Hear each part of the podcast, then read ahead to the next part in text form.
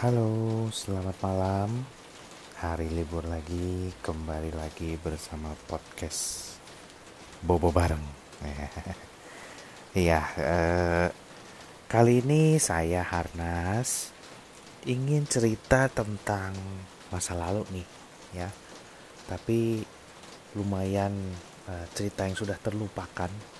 Jadi saya pengen ceritain lagi. Jadi eh, untuk yang warga Bandung ini mau cerita tentang kota Bandung. Ada salah satu wali kota Bandung yang menjabat selama 15 tahun. Ya. Dan orang ini spesial karena uh, usianya udah lanjut. Jadi waktu menjabat tuh udah 80 tahun. Ya.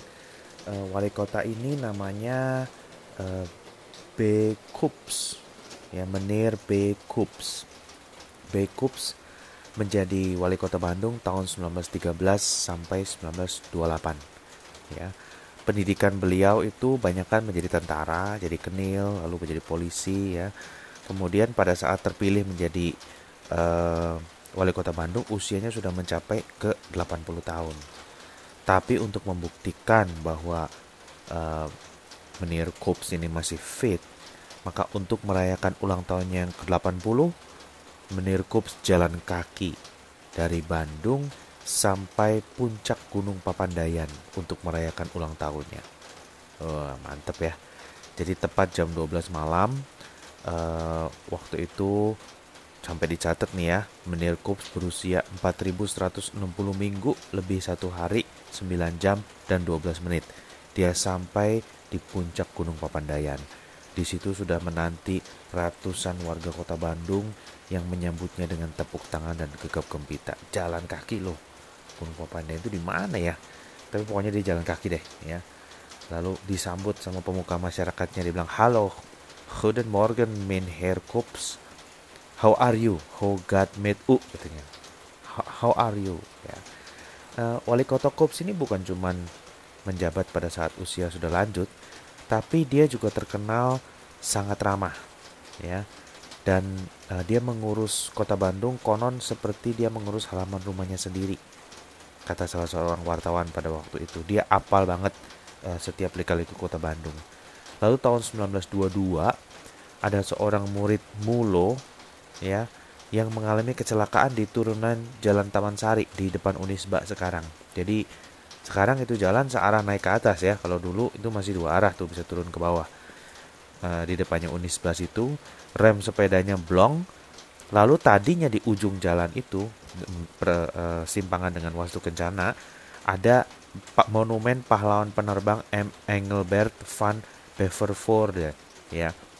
Nah, karena dia remnya blong, dia nabrak monumen ini sehingga si anak itu meninggal. Lalu begitu Menir Kops dengar, besokannya langsung dibongkar monumennya. Dia bilang walaupun itu monumen karya uh, pahlawan, tapi dia tidak punya hak untuk mencabut nyawa seorang anak dia bilang gitu ya dipindahin monumen jadi sekarang monumen itu udah nggak ada ya uh, penggantinya Menir Kups adalah seorang yang namanya Insinyur J.E.A. von Wolzogenkur dia adalah salah satu dewan penyantun dari pendiri uh, sorry dewan penyantun dari Teknische Hochschule Bandung alias ITB ya. Dia menjabat dari tahun 1928 sampai 1934 Kedua orang ini, Menir Kops dan Menir Kur, karena sangat penting bagi uh, perkembangan kota Bandung, mereka berdua adalah orang yang ikut merancang terbentuknya Bandung yang terkenal sebagai Paris Van Java, maka namanya dijadikan sebagai nama jalan, ya. Uh, Burgermeister Kopsweg itu adalah penggalan jalan Pajajaran, ya Lalu ada lagi yang namanya nama jalan Burgermeister Kurwik. Itu adalah jalan Purnawarman yang sekarang ya. Jadi uh, kita kenal dengan yang namanya uh, Menir Kups ini dan juga Menir Kur dua wali kota Bandung. Dan sebelum saya akhiri cerita tentang Bandung kuno ini ada satu yang menarik lagi bahwa zaman dahulu uh, sebelum merdeka Bandung kota Bandung, kota Madia Bandung itu punya sebuah moto uh, Latin yang namanya ex undis sol. Nah, ini juga ceritanya unik nih.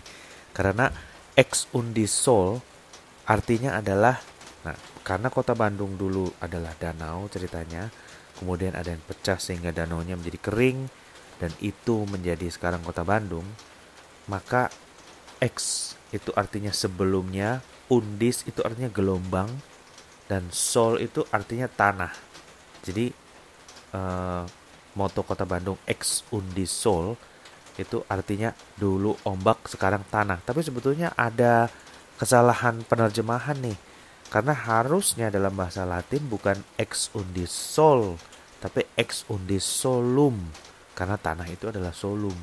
Entah kenapa diterjemahkan menjadi sol alias matahari, ya.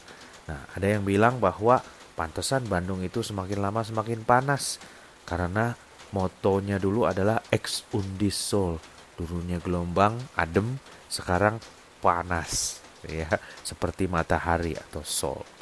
Nah demikian cerita tentang Menir Kops uh, kali ini yang diambil dari buku Wajah Bandung Tempo Dulu karya Haryoto Kunto yang diterbitkan oleh PT Granesia. Simak uh, Bobo Bareng berikutnya bersama saya Harnas. Uh, terima kasih sudah menyimak podcast ini. Selamat tidur. Good night. Bye bye.